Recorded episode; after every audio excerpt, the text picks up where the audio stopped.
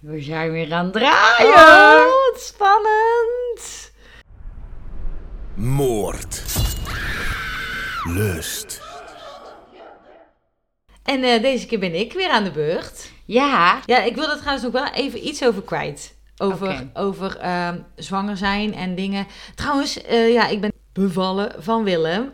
Super Ja. cutie. Echt een schatje. Ja, maar ik wil even tegen iedereen zeggen dat, ehm, dat het echt een zware periode is. Ja, en dat mensen moeten kappen met die roze of blauwe wolken. Ja. Of welke kleur wolken het Ja, ook zo zijn. ik was echt een beetje boos op de wereld hoor. Die eerste weken zijn gewoon kut. Nou ja, en vooral ook dat andere moeders, als je het vraagt, dat Ja. ze zeggen... Ja, Oh, het is inderdaad... Ja, oh, oh ja, dat. ja, als ja. je het vraagt van het is inderdaad eigenlijk wel zwaar. Terwijl ze daarvoor al zeggen nee, het is fantastisch. Zo genieten. Oh, relax. Maar ik hoorde dat die docu van Eva Jinek, die had jij wel gezien, toch? Dat die heel goed was voor eh, Ja, dat vind ik ook. mama's Stel- en aankomende mama's. ja, en papa's misschien ook ja, wel. iedereen. Ja, dat echt, moet je echt kijken. Want ja, ik vind dat daar... Wij zijn natuurlijk zulke taboe doorbrekers. Op Mhm. seksgebied. eh, op seks... Ja, ja op se- inderdaad, Jezus. Kom maar lekker uit mijn woorden. Maar ik vind ook dat dit een taboe is. Dat mensen daar niet over praten. Dus ik dacht, nou... Ik wil toch even naar onze luisteraars zeggen... van als je ooit zwanger wilt worden, kan worden en bent... Zeg ik dat zo goed? Mhm. En, eh, of bent geweest, voel je niet Of iemand in je omgeving Ja, hebt die ja, een dat- kleintje verwacht. Ja, dat je gewoon weet dat die eerste weken echt pittig zijn. Je leeft van voeding tot voeding. Ook al, ik geef dan borstvoeding, dan is dat helemaal denk ik. Maar ook met flesvoeding heb je dat net zo goed. En ik wil dat er even de wereld uit dat het ook oké is dat er gewoon even gewoon pittig is. Ja, en vraag ook alsjeblieft gewoon om hulp. Ja. Want vroeger, ik ben, eh, was laatst weer helemaal in Sapiens begonnen. Want Mm. al mijn boeken om e had ik uitgelezen. Dus Oh. toen, en toen, toen stond er ook echt, vroeger was er ook echt Ja. een dorp nodig. Ja. En dat, daar komt die uitspraak natuurlijk ook vandaan. Dat er vroeger echt een dorp nodig was om een Takes kind op te voeden. ja. Ja. ja. dus... eh, Maar, eh, en dan wil ik ook gelijk even hier het podium. Een shout-out naar mijn moeder. Ah, Want, eh, Ellie, die kennen we allemaal ook van de paskamermoord. Ja, onze Beppe, dat is eh, oma in het Fries, die eh, is echt wel heel lief. Die komt zo nu en dan, of eigenlijk nu elke week. Nou, en die is nu heel lief met Willem wandelen, zodat wij kunnen opnemen. Ja, maar even lieve woorden voor mijn moeder, voor Beppe van Willem, want ik ben er heel erg dankbaar. Ja, want- je bent echt de topper. ja dus, maar goed, ik, eh, ik vlam hem erin. Ja, dat is goed. Oké, het gaat deze keer over de Twilight Killers. Oeh, jij was wel van die films, of niet? Ja, dat durf ik niet echt toe te geven. Nee, Oh. nou, pff. Ja, ik ik, ben ik, naar de heb het... bioscoop geweest. We dwalen af. Ja, hey, een, leuk, een leuk sprongetje. Want de familie hier in deze, in deze aflevering heette de Edwards. Hey. Nou, hey. nou, dat, dat moest zo Het zijn. had zo moeten zijn. Vernoemd daarna. Ja, inderdaad. Nou, we Nou. zijn wel weer op de melige tour, Ja. hoor. Nee, Oh, ik, ga nu, eh, ik ga nu de jingle in... Oh nee, de- het heet dus de Twilight... Twilight Killers. De Twilight Killers. Moord. Nou, ik ga het liefdesverhaal vertellen van twee 14-jarigen. Lucas Markham en Kim Edwards. Oké. Nu heb ik er wel... Nou ja, goed. Even kijken. Dan Nou, heb je al het liefdesstuk verklapt. Ja, nee. ik dacht met Edwards, nou goed, never mind. Maar ehm, nou, ze ontmoeten elkaar op de John Glebe High School in Splading. In Engeland is dat. En eh, ze zitten beide in klas voor moeilijke kinderen. En ehm, Kim gaf aan, aan eh, later zeg maar, dat ze meteen, toen ze in de, meteen eigenlijk voor Lucas viel. Oh ja, zo liefde op het eerste Ja, want weet je, nou, ik dacht, ja, hier heb je mij ook altijd mee. Eh, want ze liep de eerste dag van het nieuwe schooljaar het klaslokaal binnen voor moeilijke kinderen. Ze denkt, nou, lekker. En ze zag Lucas een stoel door het lokaal gooien. En toen dacht ze, that's my man. heb ik ook, zo heb ik Aard ook ontmoet. Hij was eh, een bushokje aan het vernielen. En ik dacht, wauw, wat Ja, geil. Als ik iemand dat nooit iets van mijn leven zie doen, is het aard. Nee, die zou eerder zeggen, stop, dat is niet oké. Ja, inderdaad. Gelijk iemand, eh, de wet. Ik wou zeggen, gelijk in het recht treden. Ja, maar goed, dat heeft ze letterlijk, dit, dit is niet verzonnen. Hè? Kim heeft echt aangegeven dat het door het stoel gooien, Nou, het, laat natuurlijk wel een soort autoriteit zien. ja, hè? van een 14-jarige zo Ja. van, wow, die is cool. Het is natuurlijk ook wel een beetje puberbrein waar je dan nog in Ja, zit. ja, maar ze waren dus gelijk op slag verliefd, want hij was ook verliefd op haar. Ja, hij En- dacht, hé, als iemand het vreed vindt, ook deze stoel. Ja, die moet ik altijd blijven doen ook. En eh, ze waren vanaf dat moment, ehm, dat moment ook echt onafscheidelijk, maar ook echt onafscheidelijk. Eh, weet je zelfs zodat je, als je niet bij elkaar bent, gelijk gaat bellen. Terwijl je Oh nog ja. aan het uitzwaaien bent op de fiets. Weet je wel, van, hé hey, schatje! En dan, nou... Ehm, Goed, je heeft ook zo'n periode gehad dat je dan gewoon met FaceTime in slaap ging vallen. oh ja. Oh, Verschrikkelijk. Maar ja, Mhm. een beetje dat niveau. Ja, dat inderdaad. Sorry Daan. ja. Hij luistert toch niet. Ah, nou jammer. Ehm, nou, de, de, de twee ontwikkelden een hele e- intense relatie natuurlijk, omdat ze ook altijd eh, samen waren. Maar ook voor hun leeftijd was die aardig intens. Ze waren zowel ehm, fysiek ook eh, samen, dus ze hadden seks. En eh, dat was heel intens, maar ze waren ja, emotioneel en fysiek dus heel intens. Gewoon, ja, niet dat ze constant seksen waren overal, Nee, maar maar echt zo, zo Ja. helemaal in, In elkaar. Ja, ja, letterlijk en figu- figuurlijk in elkaars ja leven. een soort verweven. Dat je Ja. denkt dat, dat je verweven bent in plaats van dat je nog een individu bent. Ja, en ze noemden, eh, het werd ook dat ze codependent waren. Dus ze waren ook op een gegeven moment zo in elkaar verwikkeld dat ze ja, ook echt het idee hadden, echt overtuigd waren dat niemand anders dan dat ze elkaar konden vertrouwen. Zeg maar, zeg, die zin Ja, klopt ja, van ja. geen meter volgens Maar ik mij. snap je wel dat, ja, gewoon dat ze allebei heel afhankelijk van elkaar waren. Ja, en ze, ze hadden gewoon helemaal geen vertrouwen meer in. En eh, ze werden Dat ook... je met z'n tweeën zo'n vocht bent en de rest is allemaal, Ja, eh, hoe zeg je dat, vijandelijk zo, Ja, Bonnie en Clyde-achtige gevoelens. Het was hen tegen de wereld, weet je wel. En dat is natuurlijk best wel een gevaarlijke... Dat is heel toxisch. denk Ja, ik. zeker voor wat je net al zei, zo'n puberbrein, 14-jarige. Ja, ja Nee, dat denk ik niet dat het heel eh, handig is. En eh, deze intense gevoelens die ze voor elkaar hadden, die kwam voort, dat ze, kwam voort uit dat ze ook beide eigenlijk een hele slechte eh, jeugd hadden gehad. En daar zich ook in elkaar in herkenden. En eh, ze bevonden zich eigenlijk nog steeds niet in prettig vaarwater. Dus ze, ja, daarin klampten ze zich nog meer aan, elkaar vast. En ze voelden zich natuurlijk door elkaar ook heel erg begrepen. Dat bindt natuurlijk Ja. enorm als je hetzelfde enigszins hebt meegemaakt. Ehm, ze voelden zich beide ook helemaal niet geliefd of gewild of überhaupt thuis bij hun eigen gezin. Dus ja, nou, je snapt het. Dit is 1 plus 1 plus 1 plus 1 plus 1. En dan krijg je Ja. een hele toxische relatie. Nou, even wat achter, achtergrondinformatie van Kim. Nou, Kim Edwards, die is dus 14 jaar en ze zat dus nog op de middelbare school. Eh, ze groeit op in Spleding. Ik herhaal niet heel veel, maar ik kon ook niet veel van haar vinden. Dus ik denk, ik gooi even, oh ja, ja. even wat Even tegen- een samenvatting. want we zijn al zo lang aan het praten, even voor de luisteraars. even een samenvatting. Nou, ze groeit dus op in Spleding uit Engeland. En ze heeft één jonge zusje, die is één jaar jonger. Eén jonge zusje van één jaar jonger. Ja, Katie. Ik dacht Kim en Katie. klinkt wel, bekt ja, wel lekker. Ja, bekt inderdaad goed. Ehm, en haar vader die verlaat het gezin wanneer Kim twee jaar is. Ehm, en haar moeder Elisabeth, die hertrouwt daarna, maar niet met een hele prettige man. Haar nieuwe partner is heel gewelddadig en ook een drugsverslaafde. En Elisabeth die eh, probeert eh, ja, verschillende momenten met haar beide dochters naar instanties te gaan. En probeert steeds opnieuw om eigenlijk te ontkomen aan die re- geweldige relatie. Maar toch ja, komt ze er steeds Ja. terug in. En het systeem eromheen Soms helpt eigenlijk ja. ook niet. Dat vind ik soms zo lastig, hè? Dat, dat heel vaak zeggen mensen dan van, nou, waarom ga je niet weg uit zo'n relatie? Maar heel vaak proberen mensen dat oprecht, maar dan wordt het niet serieus genomen. Of bij instanties eh, is het ook, ik hoorde dat laatst volgens mij in een ander soort podcast, dat je dan eh, een bepaald, dat er bij instanties dan werd er ineens iemand teruggebeld of zo. Maar dan wel, als je dan een supercontrolerende partner hebt, Oh ja, dan maakt het van kwaad tot erger. Dus dan Ja. heb je eigenlijk dat je een soort van...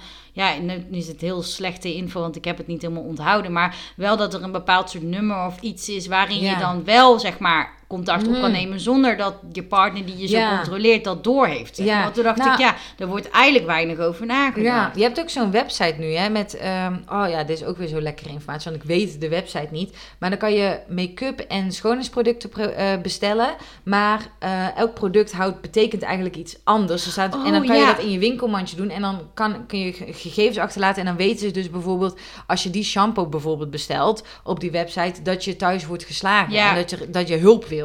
En dat, oh ja, en het was ook dat je ook bij de apotheek kan je ook een bepaald iets zeggen. Wat Ja. ze dan ook, eh, ja, wat, wat dan ook, waar ze van ook weten van oké, nu moeten we ergens een melding van Ja. doen. Want dat vind ik dus heel erg altijd, dat, dat deze vrouw met haar twee dochters waarschijnlijk heeft proberen weg te gaan. Ja, En je gaat ook niet alleen als moeder weg. nee. Maar Nee. dat die instanties denken, ja, het zal wel of eh, we bellen wel een keer terug. Ja, Ja. zo werkt dat natuurlijk En dan denk ik ook nog met twee hele jonge kinderen. Dan moeten eigenlijk toch de, de Ja. instanties juist, ja, goed. Ehm, nou, de moeder van, van Kim, Elisabeth, die heeft verschillende banen om het gezin ook te kunnen onderhouden. Want ja, die, die, die man is er ook niet echt. Nee, Ja. maakt misschien al het geld aan drugs ja, of zo inderdaad. Dus dat is ook niet echt een helpende hand. En ze is ook een heel bekend eh, gezicht in Sple, Sple, nou, Sple, Ik vind Splending. het wel een grappige naam. Splending. Splending. Nee, zo zeggen ze nee. in Engeland. Splending.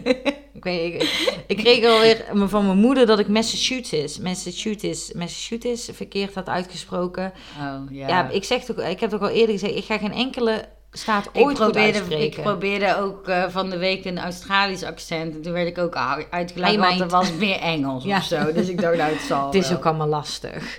Nou, we gaan weer terug. Even kijken, we waren nog met Kim bezig natuurlijk. Ehm, nou, Kim had dus een hele moeilijke jeugd. En toen ze zes jaar was, liep het ook totaal uit de hand. Eh, tijdens een ruzie met haar moeder... ehm, had, werd er door haar moeder fysiek geweld ook richting Kim gebruikt. Volgens mij werd het dus eerder was het vooral verbaal en nu werd het ook fysiek. Eh, ze werd in haar gezicht geslagen onder andere. En na dit incident eh, werden Kim en haar zusje Katie ook voor zes maanden in een pleeg, naar een pleeggezin gestuurd. En Kim vindt dit en vond dit enorm lastig en kan haar moeder dit gewoon niet vergeven. Ze heeft Nee. een enorme wrok tegen haar moeder. En de relatie van haar moeder en haar zusje Katie, die verbetert wel. Waardoor ze zich nog ja, minder waardig voelt en eigenlijk helemaal niet gezien. En ook wel jaloers richting Katie van ja, waarom kan jij dat wel en ik niet? Ja, buitengesloten Ja. waarschijnlijk. En dus ze heeft een hele slechte band met haar moeder. En Kim gaat hierdoor nog moeilijker verdrag, gedrag vertonen. En, eh, wanneer ze dus naar de middelbare school gaat, wordt ze dus in die klas van moeilijke kinderen geplaatst. Waar ze de liefde van de leven stoel, stoelgooiend eh ontmoet. Zie je het echt zo in slow-mo Ja, ik ook. En dat je ook haar helemaal zo, wauw. Ja. Echt een goede filmscène. Ja, wat wel, eh, ze is een hele goede student. Ah, Dat had ik dan weer niet ik eh, niet verwacht. verwacht, Nee, nee. niet stereotyperend. Nou, dan wat achtergrondinformatie van Lucas. Want ik zei, hij had ook een moeilijke eh, jeugd en eigenlijk nog steeds een moeilijke jeugd. Hij zit in zijn jeugd natuurlijk, hij is 14. Nou, hij is 14 jaar, ook op de middelbare school, bij Kim in de klas natuurlijk. Hij groeit ook op in Spleding. Nou, hey, gezel. Zo'n drukke stad. En ouders van Lucas die hadden een heel erg gewelddadige relatie, die uiteindelijk leidde tot een scheiding. En daarna eh, waren eigenlijk beide ouders niet meer in staat om voor Lucas te zorgen ook. En, eh, worden ze, en hij heeft ook broers. En worden hij en zijn broers naar pleeggezinnen geplaatst. En uiteindelijk, toen hij vier jaar oud was, is hij bij zijn tante gaan wonen. Dus dit is ook best wel allemaal gebeurd wanneer hij ja, heel jong is Ja. natuurlijk. Ehm, en op zijn vijfde stierf zijn moeder aan leukemie ook nog eens. Oh. Dus dat is ook nou, best wel volgens mij een, ja, nou, enigszins lang ziekte. Nou, weet ik eigenlijk niet precies. Maar ik denk dat er ook wel mee te maken heeft dat ze niet voor hem kon zorgen. Misschien dat dat al eh, ja, toen speelde. En zijn vader, die was echt een hele koude en afstandelijke man. Eh, ook nog eens een hele erge alcoholist. En ja, dat, dat werkte ook niet. En Lucas had eigenlijk geen contact meer met hem. En als ze contact hadden, dan was het altijd ja, ook gewelddadig eigenlijk en ruziend. Ja, tot zover je eigenlijk geweld, ja, ruziend, echt met een Mhm. vier, vijfjarige, maar gewoon heel naar. En ehm, dus hij heeft ook helemaal niet veel warmte of liefde gekend. Lucas die werd wel omschreven als een hele erg slimme jongen ook. En, en hij hield enorm van wiskunde. Maar hij was geen goede student. Dus hij, hij kon het wel, maar had er gewoon geen zin in. Hij was gewoon stoelater. Zie je toch ook vaak bij jongens, hè? Dat, Ja. dat bij meisjes zijn vaak altijd beter op de middelbare school. Ja. En Ja. volgens mij en zitten er ook meer vrouwen op de universiteit dan mannen tegenwoordig. ook gewoon zeggen, het was natuurlijk anders. Maar Het was tegenwoordig, natuurlijk ja. anders, maar tegenwoordig... eh, maar dat, ja, dat zie je toch vaak. En vooral, ik denk vooral voor puberjongens... dat de middelbare school nog echt te vroeg is. Ja, dat is eigenlijk te heftig. Ja. ja, dat is te veel prikkels ook. Dan wil je gewoon alleen... Ja, dit, dit, dit is niet meer grappig. Wil je gewoon met stoelen blijven gooien? Ja, weet maar- je, ja, maar dan is het denk ik soms belangrijker om erbij te horen... dan dat het gaat over je goede ja, of je, zei, je, je kan dan ook niet op lange termijn denken. Nee. Op de, zeker niet met een puberbrein natuurlijk. Dan is het, dat, is gewoon, dat is gewoon wetenschappelijk bewezen dat je dat niet kan. Ja, en dat wij volwassenen nooit meer terug kunnen naar die Ja. gedachten van een puberbrein. Dat vond ik best wel heftig. Ja, maar dit, ik moet even bijzetten. Het is echt een onderzoek hè, die dat bewijst. Dat ja, je, ja. Dat je, en eigenlijk wel logisch, want je brein verandert zoveel dat ook gewoon heel veel delen eigenlijk verdwijnen. Net als nu bij mijn zwangerschapsbrein. Ja. Maar ook qua weg dat, zijn. dat pubers hele nachten opblijven. Dat Ja. is omdat ze ook nog niet zo gevoelig zijn voordat je eh, dat stofje hebt. en zo. Melatonine. Ja, dat je, en dat het eigenlijk ook best wel lastig van ons volwassenen is. Ja. Dat wij van pubers verwachten dat ze om half negen op school een eerste lesuur Ja. hebben. Terwijl eigenlijk biologisch gezien is dat helemaal niet zo Nee, handig. is ook Zweeds onderzoek naar. Hè? Dat, dat eh, die, die, kinderen die begonnen later, kregen ook geen huiswerk, waren veel beter. Ik denk, Ja. waarom doen we dat niet? Maar Ja. goed. Nou, even terug naar Lucas in de klas. Ehm, hij werd daarvoor, eh, daardoor omdat hij dus onder andere heel veel shit deed in de klas, heel vaak geschorst. En er was uiteindelijk een incident geweest en er is geen verdere informatie wat het incident is. Ik denk dus dat het best een heftig incident is, want ik las ook dat hij veel vocht, maar ook echt met leraren vocht en Mhm. zo. Ehm, waardoor hij uiteindelijk echt van school is gestuurd en ook niet meer terug mag komen. Dus eh, dat is even een stapje verder dan schorsen natuurlijk. Maar de docenten zeiden ook van ja, hij is een hele slimme jongen, maar hij heeft gewoon al veel te veel meegemaakt voor zijn leeftijd eigenlijk. Ja. Om ja, dat allemaal een plekje te kunnen geven, denk ik. Nou, dat zijn de twee hoofdpersonen. En dan nu ga ik even verder met het verhaal. Mhm. Ehm, en ik ga eerst even verder met Kim. Want eh, nadat ze eigenlijk weer terug thuis woont, nadat ze het pleeggezin had gewoon, dreigt Kim herhaaldelijk om weg te lopen. En eh, Elisabeth, die zou ook vreselijke dingen tegen haar dochter schreeuwen om haar opzettelijk te proberen kwetsen. Toen dacht ik, hé, waarom doe je dat? Ja, maar ja, wie, wiens woorden zijn dit natuurlijk? Ja, Dan kan zij ook zeggen... Misschien Ja. probeerden ze er terug te halen en dacht zij, nou, dat vind ik kwetsend. Ja, ja, goeie, scherp. Ja, ik weet niet wiens woorden dit wij zijn. Ik heb het ook, het staat ook maar op mijn scherm. Ja. Geen idee. Nou, in 2013, dit is zes jaar na eh, het geweldincident waar het allemaal een beetje mee startte, tussen aanhalingstekens, want het was eigenlijk al natuurlijk eerder rommel, maar Mhm. toen echt, eh, eh, vertelt Kim tegen haar, tegen haar begeleiders dat haar moeder haar had proberen te wurgen ook. Ja, heftig. En deze uitspraak die werd zowel door Elisabeth als haar zusje Katie ontkend. En daarmee, besloot, daarmee besloten ook de maatschappelijke werkers dat het dossier gesloten was. Toen dacht ik, dat is toen niet heel erg. Nee, maar dat gebeurt vaak volgens mij. Hoor. Zo van, oh ja, net alsof die moeder dan Ja. zeggen, oh ja, nee, klopt Nee, inderdaad. ja, inderdaad. Ik had, ik had even En zin om dat die te doen. moeder zo close is met dat zusje, dan gaat het zusje natuurlijk ook de moeder niet verraden. Nee, nee. Nee, Ja. dus ik vond dat daar misschien wel meer onderzoek naar gedaan moest worden. Maar goed. En ook gewoon naar Kim zelf. Hè? Want zo'n uitspraak, stel het is niet waar, dan is het nog best wel een uitspraak dat je bij een jonger iemand toch wel even moet nagaan van waar komt die uitspraak vandaan? Zit je wel lekker op je plek thuis? En Ja. zo. Nee, gewoon dossier ge- ge- gedaan. Want een ander jong iemand, een zusje van een jaar jongen zegt dat het niet waar is. Ja, sorry, dat is toch niet te vertrouwen? Nee, dat is niet echt goed onderzoek. Nee. Nou, en later vond Elisabeth een eh, afscheidsbrief van Kim en eh, zorgde er toen voor dat Kim werd opgenomen op de psychiatrische afdeling. Maar de artsen vonden verder geen tekenen van psychiatrische problemen en Kim werd al snel ontslagen. Nou, vind ik ook ehm, ja, slecht. Hoe kan het dat de, geen, nou wij bespreken die natuurlijk ook altijd, maar de mensen die eigenlijk het psychiatrisch gezien het ergst eraan toe zijn, meest heftige dingen eh, hebben, juist er doorheen glippen. En ik heb op psychiatrie gewerkt en soms zitten daar mensen voor een time-out. Ook helemaal oké, hè? Helemaal prima. Maar die zitten daar zes weken lang. Krijg je niet naar huis. Want er is altijd wel iets dat je denkt, dat een psychiater denkt, nou. En dan iemand die eigenlijk volgens mij helemaal niet lekker thuis zit. En best wel veel aan de hand is, glipt er dan weer doorheen. Ja, Hoe kan dat dan maar toch? ik hoorde ook vandaag in een andere podcast ook dat die jongen moest gewoon echt hulp krijgen. En dan duurt het pro- een proces zo lang. En dan, Mhm. volgens mij was hij toen het proces begon 18 of 19. Ja. En dan toen het eindigde was dan vier jaar later. ja. En toen, dan durven de, de psychiater of de psychiaters en de psycholoog te zeggen... ja. Oeh, ja, het is nou wel verergd ten opzichte van de vorige keer. Denk ik, geef diegene gelijk hulp. Ja, niet wacht niet vier jaar. Nee, en, en die advocaat was er dus heel boos over. Want zij zei, ja, ik heb de hele tijd proberen aan te dringen. Geef deze jongen hulp. Hij Ja. is nog jong, misschien is er nog Ja, iets is van er behandeling. Ja, ja. en toen dacht ik ook, ja, zo werkt het systeem dus blijkbaar. Maar inderdaad, dat, er- dat anderen ontglippen. Of Ja. die krijgen pas te laat hulp. Dat je echt inderdaad iets moet doen. En dat ze dan denken, oh, Ja. Ja, er moet echt iets gebeuren daar in dat systeem ook gewoon. Ja. Goed. Nou, eh, de relatie van Kim en haar moeder is dus alles behalve eh, goed te noemen natuurlijk. En Kim voelt zich dus enorm buitengesloten, wat je ook al zei. En eh, heeft het gevoel dat haar moeder ook duidelijk Katie als favoriet heeft, wat denk ik ook is. Ehm, en dat ze ook meer gehecht is aan Katie dan aan Kim zelf. Ik denk dat ze daar wel enigszins een goed gevoel in had. Maar ja, dat is super kut natuurlijk om te voelen. En ik denk ook niet dat ze in staat waren beide om daar een gesprek over te voeren. Van, van mam, ik voel me zo of zo. Dat Nee. is, die, die boot is al gevaren? ja. Nee, zo zeg Het je schip dat. is al, nee. Het schip is al gegaan? Nee. Nee, oh, hoe zeg je dat nou? Om mensen die het luisteren denken, ja. Gepasseerd. Ja, het is een gepasseerd... schip. Ik weet het. een ge- ge- het is een gepasseerd station. Daar is het. Helemaal Ah, niks met een het heeft schip. niks met boten te maken. Ja. ja, Nou, dat station is al lang gepasseerd. Ja, dat inderdaad.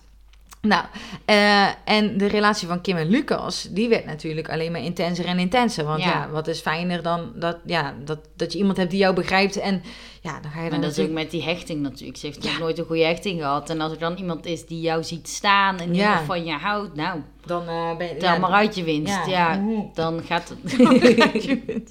Dat is gaat het hek van de eh, dam, wilde ik zeggen. Ja. dan gaan we nou alleen maar spreekwoorden doen. nou goed, de, ehm, nou, Elisabeth die keek met heel veel bezorgdheid toe naar deze tienerliefde. En ze was bang dat deze relatie heel erg ongezond was. Nou, was die ook. En eh, vond, vond Kim ook veel te jong om überhaupt met seks bezig te zijn. Snap ik ook wel. En, eh, en ja, ik denk ook, ja, voorlichting hebben ze denk ik ook niet gehad. Dus dan, dan snap ik die bezorgdheid helemaal natuurlijk. En eh, Elisabeth die spreekt Kim daar ook op aan. Dat vond ik al niet goed. Je moet niet erop aanspreken. Je moet het gesprek aangaan natuurlijk. Ja, Want ja. dit, dit, alleen hier al wist je gewoon, dit gaat mis. Want ze spreekt Kim aan en zegt dat, Luca, dat ze Lucas niet meer mag zien. Ja, dat is... Oh, Ouders, fout. ouders, Doe dat ouders. niet, doe dat niet. Nee, Oh, dat helpt. Dat gaat natuurlijk helemaal averechts. Ja. En hij was ook niet meer welkom bij hun thuis. En eh, ze belde zelfs de school en vroeg of de twee gescheiden konden worden. Ik weet niet hoeveel klassen voor moeilijke kinderen ze hebben, maar of die misschien in een andere klas kon gezet worden. Maar ja, dit is natuurlijk niet. Niet helemaal hoe dat het hoort. Nee, nee. Elisabeth die zei van ja, dit is een koppel. Het is als een bom die elk moment kan afgaan. Dan denk ik ja, dan moet je niet de bom extra vuur Zet de tijd nou wel verkocht? Ja, Ja. zet- ja, inderdaad. Dus dat is helemaal niet zo slim. Ook even tips voor alle ouders die nou luisteren. Als je dit ooit tegen je puberende... Ga eerder het gesprek aan van... Oké, ik maak me zorgen om de relatie. Hoe voel je je in die relatie? Wat haal je uit de relatie? Misschien zie ik dingen die, die jij... eh, Die, die- Ja. Misschien zie ik dingen niet die jij wel ervaart en kunnen we erover praten. Maar Of niet, hoe zeggen, kan ik je ondersteunen Ja. daarin of iets? Of, wel, ja. maar niet zeggen het mag niet meer. Nee. Want dat, ja, dat gaat niet werken. Nou, in oktober 2015 waren Kim en Lucas het zat dat ze elkaar niet meer zoveel mochten zien. Eh, en renden ze samen ook weg. En ze werden zes dagen lang vermist. Oh, dat hebben ze best goed gedaan. Ja, ja want ze hebben geen auto of zo. Hè? Ze Nee. op- gewoon lekker scouting. eh, De bonnen vol, hè? Ja, gewoon zo'n eh, zo'n stok en dan zo'n zakje eraan. Dat deed ik vroeger. Hè? Ik had dan zo'n stok. Dat vind ik ook echt weer iets Ja, voor jou. dan deed ik een zakdoekje aan, deed ik dan een appeltje in. Schattig, hè? En een banaantje en wat dingen nog die ik plukte. En dan ging ik in de tuin gewoon lopen en in het bos. Nou, op blote voeten soms voor de extra experience. Ja. Jeetje, je was echt een oervrouw. Ja, ik denk dat Kim en Lucas dat ook hebben gedaan. Ja. Gewoon op de bonnen met die zadoek. Ja, ja. ja Ik hoop wel dat ze iets meer bij hadden dan een appeltje en een banaan. voor zes dagen inderdaad. eh. maar ja, zak, zakdoeken hebben mensen tegenwoordig niet meer. Hè? Die jeugd van... te- Ja, ik heb nu ook geen zakdoek hoor, maar... Nee. Als, mijn, als Willem nu dat zou willen doen, moet ik hem teleurstellen. Ja, ik heb thuis nog wel wat oude liggen, maar voor carnaval. Ja, dat zou ik niet. eh Ik heb alles in bewaren. Ja, carnaval. dat komt echt super vaak terug. Ja, ik heb dat nog wel liggen, maar dat is voor carnaval. Ik vind dat echt zo grappig als ik met mensen spreek die niet uit Brabant komen. Die snappen dat niet. Nee, maar ook bij ons staat de kelder ook gewoon bijna Ja. vol met Voor carnavalskleding. een carnavalsoptocht daar beneden. Ja, en dan ook net als, eh, nu had ik van de optocht een heel leuk nieuw pak, maar dat was best wel groot. Dus dat ligt dan weer bij mijn moeder op zolder. Oh, dus ja. daar ligt over, ja, wij hebben overal carnavalspullen, dus Ja. hadden iets nodig. Ja, bel ons. Bel ons. Bel ons, want ja, ze heeft een hele merchandise eh, gewoon thuis liggen. Dat lijkt me leuk om onze eigen carnavalskleding op de markt te brengen of zo. Dat zou echt een droom zijn. Oh, ja. Onze eigen kleding. Ja, gewoon als, maar dan niet kleding, maar gewoon echt waar je leuk verkleed kan als seksuoloog of zo. Oh, ja, en dan niet zo'n sexy pakje hoor. Nee, nee, toch? nee, Want dat- absoluut Dan niet. zie je altijd wie niet uit Brabant of Limburg komt. Iemand die zo'n sexy pakje aandoet, dat is zeker uit, gewoon uit, uit boven de rivieren. Die denkt, oh lekker even carnavallen. Nee, dat moet je niet doen. We willen niemand beledigen, maar eh, je moet Ja. die- degene die er het lelijkste uitzien, dat zijn vaak De- de, de mensen echte. die er vandaan Ja. komen. Ja. Ik moet zeggen, ik zie er ook wel soms, soms wel mooi uit trouwens. ik zie maar er niet- nooit sexy Nee, uit. jij bent wel echt heftig. Next level. ik ben, ik ga als, ik ben eh, het type carnavallen dat ik als typetjes ga van, van Oh, ja. films die bijna niemand kent. Op zo'n moment, ik ging bijvoorbeeld als eh, die... eh, Van Pulp Fiction. Van Pulp Fiction. ja. Hoe heet ze nou? Nu ben ik de naam weer kwijt. Nou ja, Mia, toch? Mia. En Ik jij ging ook als Miley gedaan. Cyrus toen. Ja, kende niemand. Als Wrecking Ball. Ja, dat was enigszins trouwens wel sexy. Maar toen had ik een bontjas aangedaan. Niemand herkende mij. Nou goed. Nee, ja, dat snap ik. Ik was als eh, Sami. Uit Finland, de oude stam. Oh ja, je had, je had, Finse traditionele kleding aan. Het zag er niet uit. Had- eigenlijk, oh, ik wil eigenlijk die foto plaatsen op Instagram. Ik zal het doen Ja, niet. mijn vriend zag ook heel sexy Ja. uit. Oh, die hoedjes ook. en die schoenen. Die had ook van die dingen Ja, over je ja. laarzen. Ja, het was echt Prachtig. ja, heel mooi. Maar goed, eh, Kim en Lucas werden zes dagen vermist. Hoe komen we? Maar- sorry jongens, jullie moeten ons vergeven, maar we hebben al zo lang ook niet echt- überhaupt niet gepraat met Nee. elkaar. Dat is de eerste keer in maanden. Nou ja, we hebben alleen toen we naar het concert van Billie Eilish gingen Ja. in de auto, dat vloog voorbij. Ja, ik had oh. zo drie keer rond Ja, we hadden zo kunnen blijven toeren. Zes dagen vermist kunnen zijn. Ja. Maar ja, we hebben echt weken niet gesproken. Ja, nu dus wel. En dan het eerste wat ik doe is een eh, moordverhaal tegen je vertellen. Ja. Nou, ze waren dus zes dagen vermist. En eh, ze zijn uiteindelijk gevonden in hun tentje in het bos. Dus ik zat Oh. niet heel ver weg met mijn zaddoek. Ik kan je zeggen, ze hadden wel een tentje. Ja, Goed voorbereid. ja, zo, inderdaad. Eh, ja, goed, inderdaad. Even te denken, even te laten... ze- Ik, ja, nou goed. Eh, we gaan verder. Ik had er niet aan gedacht. Nee, ik ook niet. Ik, ik was dan denk ik op mijn 14. Want trouwens, hun waren nu. 15. Nee, jonger. Oh. Shit, jongens. Ik zit helemaal mis, jongen. Deze kinderen zijn 13, Oh. 12 toen ze begonnen. Nu zijn ze 13. Jeetje. Ja, want ze waren later pas 14. Ja. Oh, shit. Ehm, nou, logischerwijs was Elisabeth natuurlijk heel boos. En verbood ze nog, en nogmaals om Kim nu echt Lucas niet meer te mogen zien. Hele kutzin. Maar ze mocht, Kim mocht Lucas nu natuurlijk helemaal niet zien meer nu.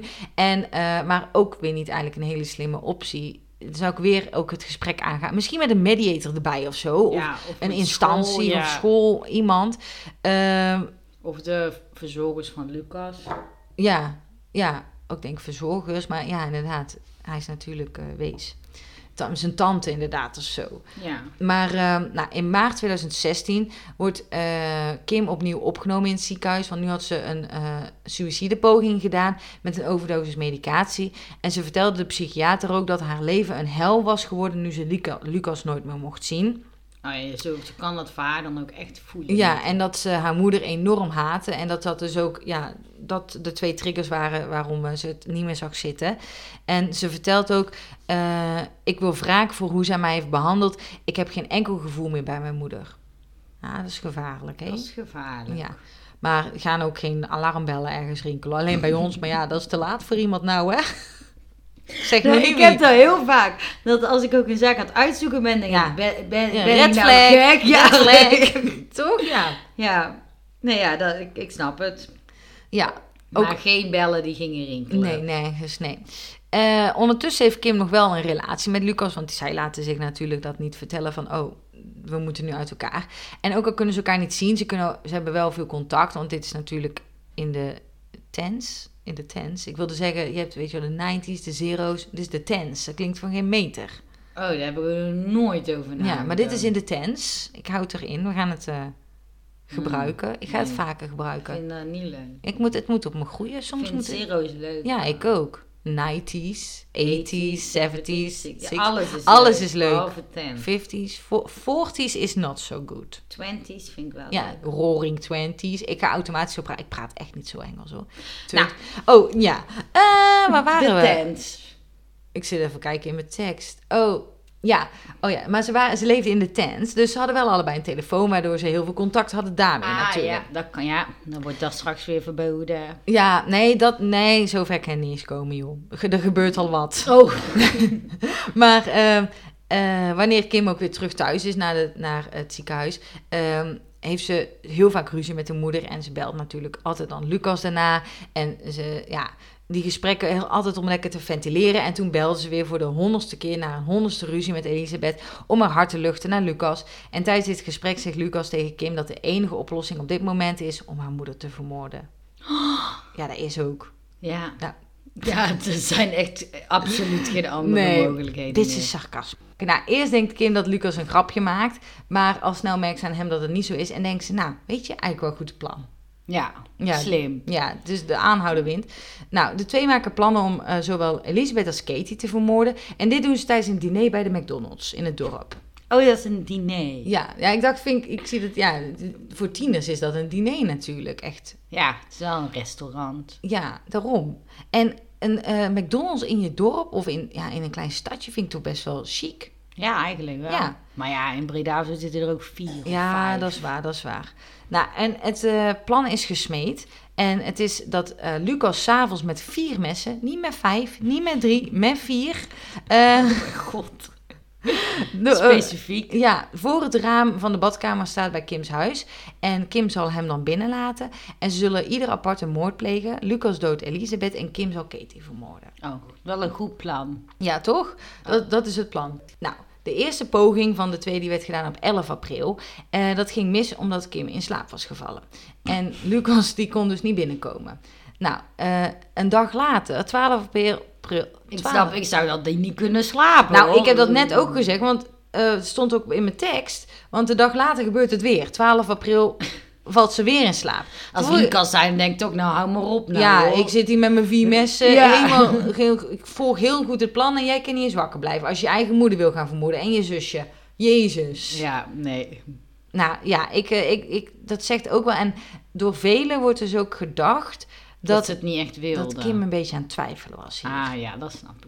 Dat denk ik dan, dat, dat vind ik dan wordt wel ook wel heel echt dan misschien. Ja, van oeh, hij staat recht met vier messen Ja. voor de badkamer. En niet vijf, niet Nee, drie. nee, hij stond rechts met vier. Ja, kom maar binnen. Nou ja, dus dat kan ik me wel voorstellen. Dat vind ik dan eigenlijk toch wel, ja, Sneu of last. Ja, Ja, vind dan- ja, dat van, oh, ze hadden misschien nog gered kunnen worden. Mhm. Nou, 13 april 2016 was het eindelijk dan zover. Moment suprême. Eh, Lucas loopt s'avonds, eh of in de nacht, begin de nacht, een half uur van zijn huis naar dat van Kim met zijn vier messen. Ehm, hij heeft keukenmessen die hij eh, uit de keukentras van zijn tante heeft meegepakt. En hij klopt drie keer op het raam van Kim, haar kamer. Ik denk dat dat een nieuw afgesproken Ja, dat ze dan signaal, ze wordt kan of niet meer slapen. Ja. Dus drie keer kloppen op een bepaald ritme en dan weet Kim, oh dat is Kim. Eh, dat is Lucas, want er wordt bij mij aan mijn raam zo vaak geklopt. Ja, dus je weet niet meer wie. Nee, want wie is dit nou weer uit spleding die Ja. aan mijn raam komt kloppen? Maar ehm, Kim doet eh, het raam open en hij komt binnen langs de badkamer. En eh, Kim en Lucas halen alle messen uit de tas, en, ja, alle vier, en gingen zachtjes eerst naar de kamer van Elisabeth. En zij slaapt op dat moment al en zij ligt op haar zij en Lucas steekt haar meteen in haar nek. Oké, nou wel eh, gelijk ervoor gaan. Ja, ze hadden een plan en Lucas voert het gelijk uit. Pam. ook een slimme jongen. Ja, zo Hij is was alleen ja. minder slim, maar hij dacht, ik pak het wel gewoon. Ja, ja misschien, nou, niet dat ik mensen wil aanmoedigen om te gaan moorden, maar ik denk als je een plan hebt, ook niet twijfelen. Want bij twijfel, bijvoorbeeld als je niet lekker steekt, dit is echt. Maar dat doet ook meer pijn bij je slachtoffer. Ja, Je wil eigenlijk gewoon een pleister moet je er ook in één keer aftrekken. ja. Maar goed, eh, hierna pakte hij een kussen en smoorde haar gezicht ook. En Elisabeth was ook niet gelijk dood. Eh, dus hij, ik denk ook dat hij een beetje zijdelings langs haar nek heeft gestoken, je zeg weet maar. ook niet waar je moet steken. Ja, en het is donker en je bent Ja, fucking 14. Dus ja. Ehm, eh, even kijken. Ja, Elisabeth, Elisabeth die begon ook helemaal terug te vechten. En ze krapte. Lucas sloeg hem. Maar hij bleef het ku- eh, kussen steady ja, op haar houden. En Kim stond erbij en keek ernaar. Oh, nu ik dit zo zeg. Net had het- kinderliedje, ja. maar ja. Eh, en Kim vertelt later. Hij zei dat ik de deur dicht moest doen. Ze was aan het worstelen om vrij te komen. En stak haar hand naar me uit. Niet dat Elisabeth per se wist dat Kim Mhm. dat denk ik was. Maar ik greep die vast. Maar liet gelijk weer los. Ik ging rillend op de grond zitten en ijsbeerde daarna heen en weer. Terwijl ik kalm, eh, kalm probeerde te blijven. En kalm tegen mezelf zei: Het komt goed. Het zal zo voorbij zijn. Nou, dat laat ook wel weten dat. eh, ze toch wel. Nou goed, de geur van bloed, daar werd Kim heel misselijk van. En toen besloot ze in de badkamer te wachten totdat Lucas het werk had afgemaakt. En ze vertelde later daarover. Hij zat op haar en had het kussen op haar hoofd. Ook al waren haar stembanden doorgesneden, hoorde ik haar gorgelend zeggen: Ga van me af, ga van me af. Ja, naar. ja want dat bloed liep dus daar Ja. denk ik ook in. Toen duurde het ongeveer nog 10 minuten. Eh, dat Lucas zijn hele gewicht op haar drukte. Ja, uiteindelijk het is ook maar een 14-jarige natuurlijk. Ja, hè? dat zal geen boom van een vent zijn geweest. Nee. Eh, en toen was ze dood. Nou, eh, ze was ook nog heel even zelf teruggekomen in de slaapkamer. Omdat ze lawaai hoorde en ze dacht dat Lucas werd overmeesterd door Elisabeth. Maar dat was niet het geval. En toen is ze ook weer teruggegaan en toen is ze daar gaan wachten. Nou, Elisabeth had acht messteken uiteindelijk. Dus het is denk ik niet één keer. Hij heeft uiteindelijk denk ik wel vaker gestoken. Ja. En eh, waarvan er ook vijf in haar handen waren. Waardoor ze dus, ja, waardoor je ziet dat ze zich ook echt heeft proberen te verdedigen. En één ging echt rechtstreeks door de hals. eh, en Kim die beschreef dus ook dat gorgelende geluid. En haar stembanden waren dus ook deels door. eh, ja. nou ja, Ja, naar. naar. Nou, na de moord van Elisabeth wilde ze naar Katie haar kamer gaan. Om ook haar dus te gaan vermoorden. Alleen kreeg Kim toen een paniekaanval. En Eh, Katie was niet wakker dan geworden of zo. Nee, nee. Eh, en ze besloten dat eh, samen Een toen... goede slaap. Ja, ja, ja, ze liggen er eh, goed doorheen te... Nou, ze besloten dus samen, dat dacht ik ook toen. Ze besloten samen, zie je dan twee tieners op de, op de gang staan. Met net, een dood iemand in de kamer. ja, net, je moet, die zal ook helemaal onder het bloed hebben gezeten. Kim waarschijnlijk ook deels. Even nog, ja, wat gaan we nu doen? Ik heb een paniek aan. Iemand met een paniekaanval, dat je dan besluit van, oh, ja, weet je, ik doe het wel. Dat je Ja, daarover... ik denk dat je er niet voor kan stellen. Nee, nee, nee. Heel raar. Eh, maar Lucas, die moest deze moord eh, zelf helemaal gaan doen. En Lucas vertelde, ik dacht dat ik haar had, over Katie dan, ik dacht dat ik haar had doodgestoken, maar ik was niet 100% zeker. Dus was het nou het matras of was het nou haar? Wat, wat had ik geraakt? Dus toen ben ik teruggegaan en heb ik haar nog eens met een kussen gesmoord. Oké. Dat vroeg me ook af. Ja, je- een matras voelt toch anders dan een nek? Of wat dan ook van een lichaam. Ja, dat lijkt me ook. Maar ik denk dat, dat je ook wel een soort blinde paniek hebt of zo. Ja. Dat, dat je Of, ja, of helemaal zo stoïcijns, zo, ja. zo Maar dat je het bent. gewoon, dat je niet iets Nee. voelt of zo. Nee, dat niks eigenlijk binnenkomt. Je Nee. gewoon ja, met je plan en met je missie. En dat je denkt, dat doe ik. En de rest... Ja. En dat je dan inderdaad oprecht denkt, is, mijn, is het wel gelukt of niet? Heb ik niet, ja. Nou, de lijkschouwer die gaf aan dat Katie ook eh, zeker wakker was geworden. Dat kon hij zien. En dat, hij, ze- Ah. dat ze zich ook heeft geprobeerd te verdedigen. Maar te vergeefs. Dus beide zijn eh, overleden toen. Jeetje.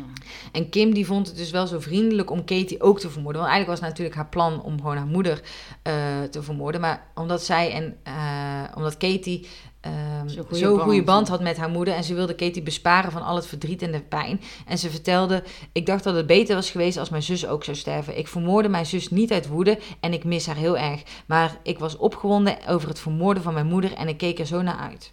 Ja, heel... Oké. Ja. De- de- ge- Laat nou niet echt een spijtbetuiging Nee, nee, totaal niet. Nou, eh, de twee die dachten er eerst aan toen om hun eigen leven te nemen. Toen dacht ik, hè, waarom heb je dit gedaan dan? Ja. Had dat dan met z'n tweeën gewoon gedaan? Ja, sorry. Ja. Eh, maar dat hebben ze dus niet gedaan toen uiteindelijk. En toen bedachten ze eh, samen om eerst lekker in bad te gaan. Samen om het bloed van zich af te spoelen. Denk ik, neem dan een douche. Ik vind het helemaal heel raar, ja. Zit je in een bad? Misschien was het een eh, douchebad. Ze Ja. moet douchen in bad. Ja, nee, maar ze zijn echt letterlijk in bad gegaan. Oh. Dus nou, want ze wilden ook niet dat de hond van het gezin hen het zou ruiken en te veel ja, alarm zou, dat die 1 en 2 zou bellen. Die hond ruikt natuurlijk sowieso als er plassen Ja, bloed liggen. Ik wou zeggen, wat de fuck, een hond die ruikt als je, als je een, een, een bolletje cocaïne in je darmstelsel hebt verstopt. Ik bedoel, als je net iemand hebt... Oh, vertel. Nee. Nou, ik was laatst eens aan het reizen.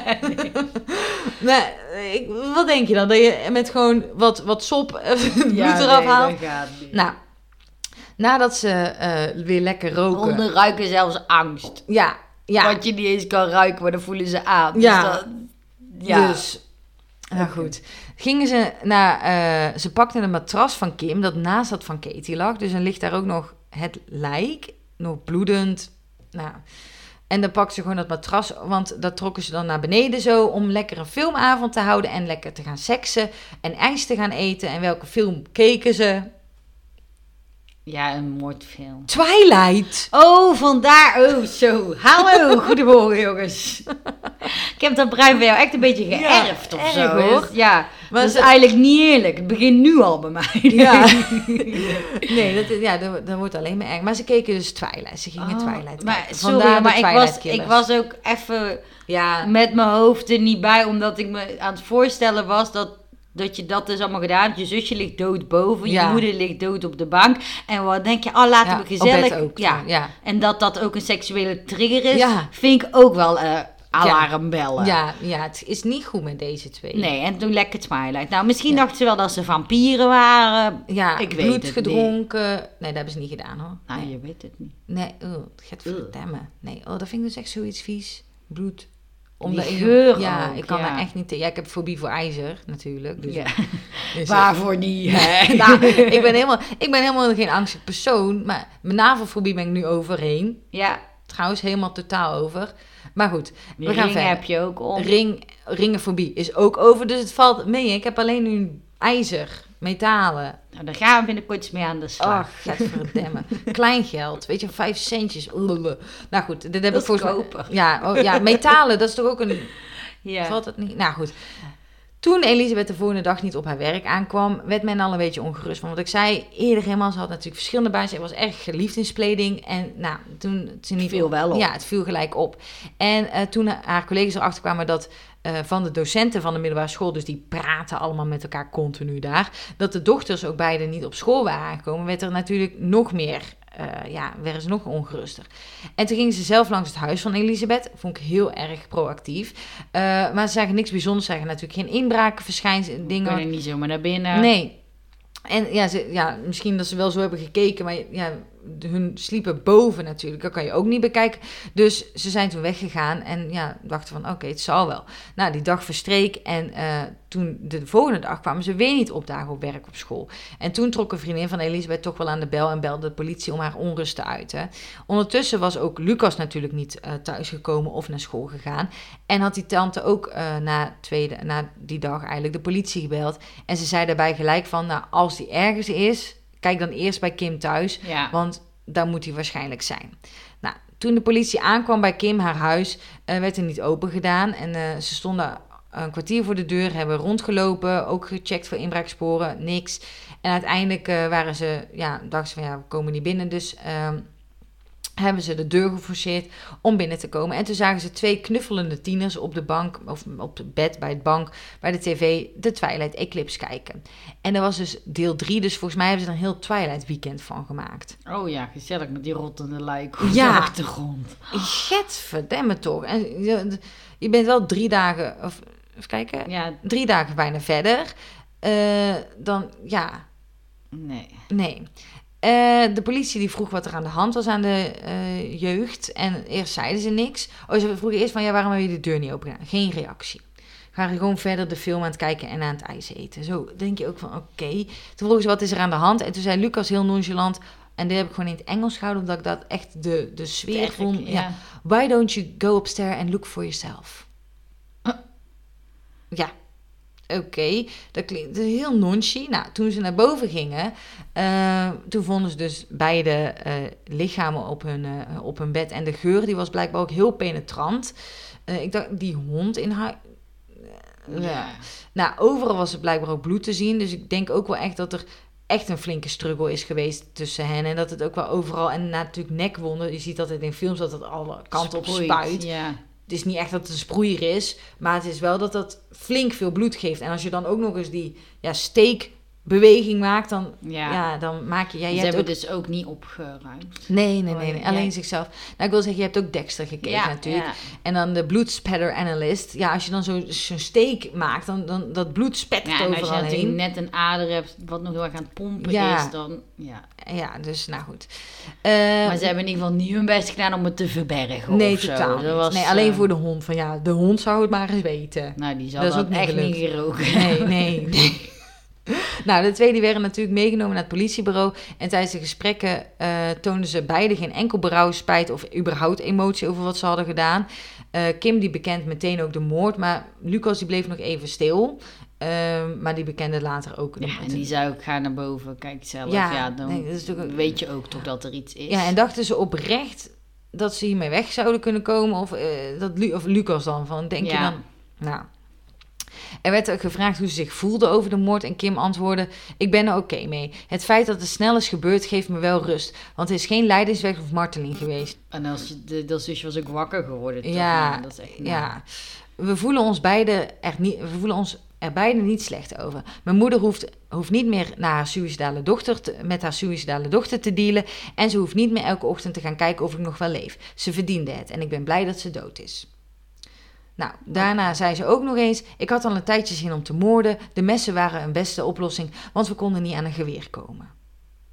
Oké. Nou, dan, ook als je foto's van haar ziet, ik denk dat Kim, Lucas zag er ook niet al te best uit, maar Kim is echt een psycho, echt een psychopaat. Of gewoon al van een psychopaat in hart en nieren. Dat zie je Ja. gewoon in de blik. Die, is, die had echt hulp nodig. Ja. Maar goed, nou, de rechercheurs die stonden enigszins versteld over hoe nonchalant de tieners ook waren over de moorden. En een van hen, Martin Holvey, die zei... het feit van wat er in die 36, oh, 36 uur, dus twee dagen, sorry, Oh, anderhalf ja. dag. eh, 36 uur daarna gebeurde en hoe ze gewoon doorgingen met hun leven. TV kijken, film kijken, naar boven gaan om naar het toilet te gaan trouwens ook. Eh, Oh, terwijl de mensen daar dood lagen, het is niet te geloven. Nee, dit, dit is echt niet te geloven. Nee. Eh, nou, natuurlijk werden beide schuldig verklaard en veroordeeld. eh, want ja, dat was niet echt een moeilijke zaak of zo. Eh, ze werden veroordeeld tot levenslang met een minimale straf van 20 jaar. Ze gingen beide in hoger beroep omdat ze vonden dat de minimumstraf veel te hoog was. Maar ze werden dan al als volwassenrecht, denk ik dan. Want als kind kan je Nee. het er nooit zo lang krijgen. Nee, ja, ik weet niet. Of ze daar werden wel. misschien wel in ja, in Engeland. Ze werden wel een speciaal recht omdat ze te jong waren. Ja, Dus maar alsnog wel heel lang Ja. natuurlijk. En eh, in mei 2017 werden ze in hoger beroep nog eens veroordeeld eh, tot, levenslang, tot levenslang, maar dan met een minimumstraf van 17,5 jaar. Oh ja. Maar er werd wel door de rechter besloten dat alle details van de, eh, of details van de zaak publiekelijk mochten getoond worden. En dat de twee ook met foto's mochten. Oh, ja, Maar dat vind dat, ik is, dat is juist vaak niet in het jeugdrecht. Ja, dat, en dat, dat- dan mag je dan, is altijd vaak achter gesloten deuren. Ja, maar ik vind het wel raar eigenlijk. Want ik vind dat dat wel beschermd moet worden. Vind Ja. ik eigenlijk. Want nou, zij zijn 14, stel ze Ja, en ik hoop dat ze hulp ook krijgen. Ja, en niet alleen TBS. straf. Ja. Ja. Nou, ehm, de rechter zei hierover deze zaak kent zijn gelijken niet in de moderne criminele geschiedenis. De moorden waren eh, brutaal als exe- executies. De beide slachtoffers moeten onbeschrijfelijk geleden hebben in de laatste momenten van hun leven. Eh, en ze zijn hiermee trouwens ook recordhouders, want ze zijn namelijk de jongste dubbele moordmoordenaars in de geschiedenis van de UK. Oh, nou, dat wil je op je naam Ja. hebben staan. Yes! En eh, nou, ze komen dus minimaal vrij eh, op 32-jarige leeftijd in 2033 of 34. Ik wist niet zo goed, met mijn rekensommetje ligt er een beetje Mhm. aan. Ehm, en het is niet duidelijk of hun liefde nog is, eh, of die nog voortbestaat in de gevangenis. Nou, ik denk wel dat het qua adrenaline gebonden heeft. Ja, deze zo ervaring. ja, Maar, het is een eh, bindende ervaring, denk ja, ik. Maar, ik ja. zou het niet adviseren. Nee, nee, zeker niet. En ik denk ook bij Kim moet dat toch ergens in die 17,5 jaar gaan landen dat je je moeder en zusje hebt vermoord. Ja. En, dat, ja. en ook dat die, die liefde, dat dat dus iets toxisch was of zo. Dan, Ja, moet, dan kan je dat- ook niet in blijven geloven, Nee, want denk ik. Zij zijn, nou, ze zijn, zitten niet samen in een, gevangenis, in een gevangeniscel. Kijk, dan Nee. denk ik dat zo'n liefde wel voortbestaat. En dat, het, dat ze ineens zo'n soort van Bonnie en Clyde, dat ze allemaal dingen gaan doen binnen de gevangenis. Maar als je bent gescheiden, dan heb je ineens ruimte en tijd om dingen te laten landen. Ja, dan kan je- er misschien ook meer vanaf een afstandje naar kijken Ja. dan dat je er middenin zit. Ja. Dus ik denk, ja, dat lijkt me echt pijnlijk. Oh, daar Ja. zou ik niet mee kunnen leven, toch? Ja, dat je... Maar dat je kind dat ook doet. Ja, je zegt, die moeder weet dat niet meer Nee. natuurlijk. Maar Nee, oh. Nee, Nee, nou. nou. Maar dat was de Twilight Killers. bedankt. Ik snap de naam nu ook. Maar Ja. ik was inderdaad even in shock. Dat ik denk, deze kind, dit zijn gewoon kinderen. Ja, ja. En ik had ook nog ergens gelezen, heb ik niet opgenomen, maar ik zeg nu dus nog wel, dat een psycholoog ook zei dat, ze, eh, dat zij zo dachten dat zij het een volwassen iets aan het doen waren op dit moment. Dat zij een volwassen handeling, maar ze zijn dus eigenlijk gewoon nog kinderen, maar ze dachten, dit is de, dit is de manier. Ja. Ze dachten dat ze echt als volwassenen aan het handelen waren. Net, Net als- alsof iedereen elkaar uitmoordt ja, of ja, zo. ja, dat je altijd precies vier mensen dan nodig hebt en dat, oh ja, dan doe je het goed. Ja. Nou, Nou, en ook met die hond. ja, ja. Ja. Dat, dat, dat verbaast me altijd in sommige zaken, dat ze dan aan dingen denken, waar je dan eigenlijk, dat je denkt, oh ja, maar Nou, en ik snap ook niet, ze waren toen ze weg waren gelopen zes dagen kwijt, wat ik best knap vind. En dan Ja. als je dit hebt gedaan, denk je, weet je wat we doen? We pakken lekker een matras, we maken een filmavondje en Ja. we blijven hier in huis. Ja, Wachten chillen. totdat het Ja. rot en dat iemand komt of zo. ja, ja. Dan wil je toch ook een soort van ge- wel gepakt daarvoor Ja, worden. of ze waren zo verdoofd eventjes. Wat Ja. trouwens ook toen ze wegliepen, zijn, ze waren gewoon in het bos in Spleding, hè? In Spleding zelf. Dus niet eens Weg. weg. Nee, Niet echt flink gezocht of zo. Maar goed, gek. ja. Oké, nou dan gaan we over naar het lustgedeelte, denk ik. Ja. Lust. Nou, ik dacht dus ehm, in deze zaak, wat als je ouders of vrienden niet achter jouw relatie staan? En ook omgekeerd, wat als je niet achter de relatie van je ouders of van je vrienden staat. En dan bedoel ik ouders niet, ik denk niet als je, nou trouwens, je kan ook achter de relatie echt van je beide ouders als biologische dingen niet achter. Maar ik dacht ook als nieuwe partners. Ja. Ja, ja, dat inderdaad. Dat Ja. eigenlijk gewoon iemand in je omgeving, dat Ja. je ziet dat Beter verwoord. ja, Ja. dat diegene een relatie heeft waar je eigenlijk niet achter staat. Maar andersom kan het natuurlijk ook Mhm. gebeuren. Dat jij helemaal blij in die bubbel zit en dat jouw omgeving niet achter je staat. En daar hebben we het ooit wel eens over gehad. Alleen ja, welke aflevering dat was, schiet me lek. Ja. Dus ik denk dat het goed is, misschien om daar kort, wat, wat, wat zou je daarin adviseren aan? In, eh, Wanneer, jij, wanneer je ouders dus niet achter jouw relatie staan. Dus net als in dit geval. oh ja, Dat het dan, hè, net als die moeder gaat het verbieden. Daar hebben we al gezegd, Ja. dat is niet echt het slimste. Ja. Maar wat kan je wel... Nou, wat als, nou, als, jij, als jouw ouders of vrienden dus niet achter jouw relatie staan, dan zou ik zeggen, ga toch het gesprek aan van toch van waarom, of Mhm. wel, hoe zie je onze relatie en dat je ook aan hen uitlegt van ja, dit haal ik uit de relatie, dat je misschien wel het gesprek hebt, maar dat je ja, de, de bezorgdheid ook wel bespreekt natuurlijk. Oké, jullie maken je zorgen om deze relatie, Eh, ik wil graag en dan weten, ja, Jezus. Ik, ik ben bang als ik weer therapie ga geven na mijn verlof, eh, hoe dat gaat gaan. Dan zitten die mensen echt zo van, meid, wat zeg jij allemaal? weet krijgt wel hele speciale inzichten. Ja, ineens wel van, wow, nu je dit zo onhandig hebt gezegd, denk ik ineens, wauw. maar ehm, dat je wel ook, ja, benoemt, eh, nou, Jezus, maak het maar even af wat ik wilde zeggen. Nou ja, dat je eigenlijk ook benoemt van dit haal ik uit de relatie. Ja, dit dat. vind ik belangrijk. En misschien ook wel aan hun vraagt, wat, wat maakt het dat je dat lastig vindt? Jeetje mina, dat zocht ik. Want, en wat ook belangrijk is, denk ik, is dat heel vaak wanneer jouw vrienden of vriendinnen jouw partner eigenlijk niet zo leuk vinden, of je het gevoel dat ze er niet achter dan ga je dat vermijden. Dan ga je Ja. minder contact hebben, of gaat die partner nooit meer mee. Maar dat maakt dat dat gevoel alleen maar bevestigd Ja. wordt, zeg maar. Terwijl als je dan iemand misschien één op één of op in een andere context kan Mhm. ontmoeten. En ook echt de tijd neemt om elkaar te leren Ja. kennen, dat dat ook al helpend Ja. kan zijn, denk ik. Ja, en ik denk wel als laatste, want we hebben ook een keer eerder een zaak, eh, dat je het enigszins ook wel serieus moet nemen als jouw ouders of vrienden echt, ook al hebben ze elkaar eh, vaker ontmoet, jouw partner en zij, dat je ook wel enigszins wel serieus neemt. Want zij kennen jou eigenlijk door en door natuurlijk vaak en zien misschien dingen die jij zelf niet ziet. Dus ja. ik zou het ook, ik zou het niet gelijk wegwuiven of zo. Nee. Nee, en ik denk ook om dan het bruggetje maken naar als het andersom is. Hè, Dat je dat zelf ziet bij bijvoorbeeld. Ja. Hè, bijvoorbeeld als je ouders net gescheiden zijn en nieuwe partners krijgen. Of als eh, iemand in je omgeving, je Mhm. beste vriendin of iemand. Hè, en dan denk ik dat het altijd heel belangrijk is om ze niet inderdaad aan te spreken. Ja. Wat jij zegt van, hè, Ja. van niet van nou ik zou dat niet doen en dit is, dit is stom en Mhm. dit is stom. Maar meer ook weer het gesprek aangaan van hé, hey, ik merk dat ik het lastig vind om een klik te vinden met deze persoon. Of ik merk dat je echt super veel aandacht en tijd met diegene besteedt. En dat Ja. snap ik wel. Maar hè, probeer ook een beetje nog aan ons te denken. Ja. Dat dat ook wel belangrijk is. Mhm. Omdat vaak, je maakt je gewoon zorgen om die ander. Als je ziet dat diegene nooit meer meegaat op vriendenweekend. Ja. Of nooit meer iets leuks gaat doen of iets.